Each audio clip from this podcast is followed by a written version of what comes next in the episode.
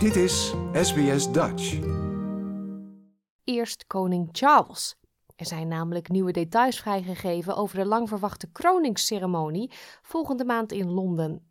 De grote processie is ingekort en ook sommige andere onderdelen zijn aangepast. Dit zou zijn omdat op dit moment veel mensen struggelen met de kosten van levensonderhoud. Ondanks de wijzigingen zal er nog steeds veel pracht en praal te zien zijn, waaronder een koninklijke koets die hier in Australië is gebouwd.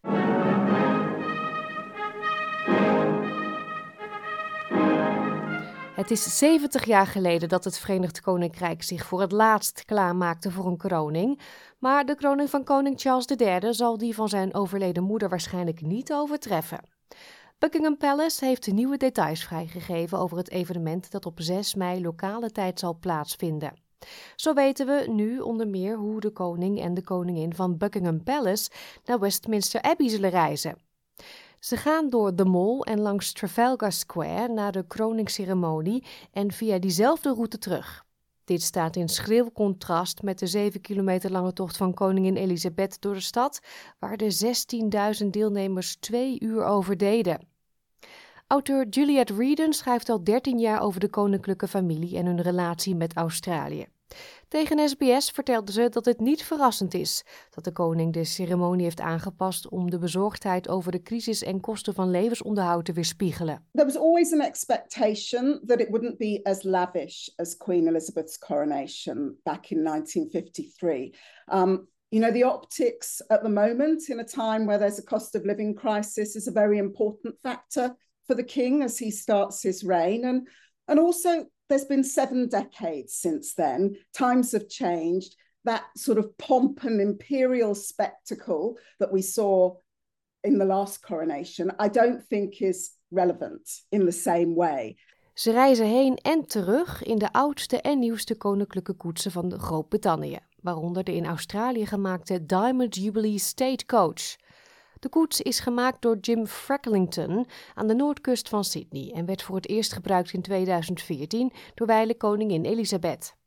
De terugreis naar het paleis vindt plaats in The Gold State Coach, dezelfde koets waar koningin Elisabeth in zat tijdens haar eigen kroning. En die werd gebouwd in 1762.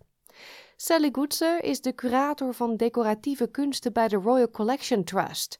Ze beschrijft de reis met de koets. This coach will be the centrepiece of the much larger and longer procession from Westminster Abbey back to Buckingham Palace on Coronation Day. It's nearly four metres tall, it's over seven metres long, it weighs four tonnes. Because of that, it can only be used at a walking pace, which really adds to the majesty and the stateliness of this great royal procession. Inside is beautifully upholstered in primrose yellow silk, and also fitted into the interior are particular specimen woods. It's a real microcosm of British and world history. There's woods from the royal residences, from explorations, and from other countries and nations as well. In een poging om met de tijd mee te gaan en ook om jonger publiek aan te spreken, heeft het paleis een kroning-emoji uitgebracht. De afbeelding van St. Edward's Crown. De afbeelding van de St. Edward's Crown. In Australië valt de ceremonie op een zondag, maar tot nu toe heeft de federale overheid nog geen nationale feestdag aangekondigd om de gelegenheid te vieren. Mark McGowan, de premier van WA, zegt dat hij een extra feestdag voor de staat overweegt. Premier Anthony Albanese en gouverneur-generaal David Hurley zullen beide de reis naar Londen maken, samen met een groep speciale burgers die door Albanese zijn geselecteerd om Australië te vertegenwoordigen.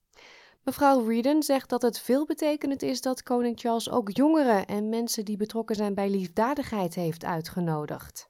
There are over 850 community and charity representatives invited to this coronation. That is new. We're throwing out a lot of those peers and and other people, uh, members of the aristocracy who may be connected to the royal family, and replacing them with 400 young people and 450 community workers. I, I think it, it's sort of placing the king's reign as he's he's placing himself as sort of the people's king. I think he wants to repre- show that this coronation is there for the people. He's trying to connect to the people. He's trying to involve everybody in the coronation. Albanese zegt dat het paleis specifiek heeft gevraagd om een aanzienlijke vertegenwoordiging van indigenous Australiërs in de groep en ook om defensiepersoneel. De hertog en hertogin van Sussex zijn ook uitgenodigd, maar bekend is geworden dat alleen prins Harry naar Londen zal komen om de kroning van zijn vader bij te wonen. Zijn vrouw Meghan blijft thuis bij de kinderen. Dit verhaal werd gemaakt door Cat Landers en Kira Hein voor SBS Nieuws en door SBS Dutch vertaald in het Nederlands. Like, deel, geef je reactie. Volg SBS Dutch op Facebook.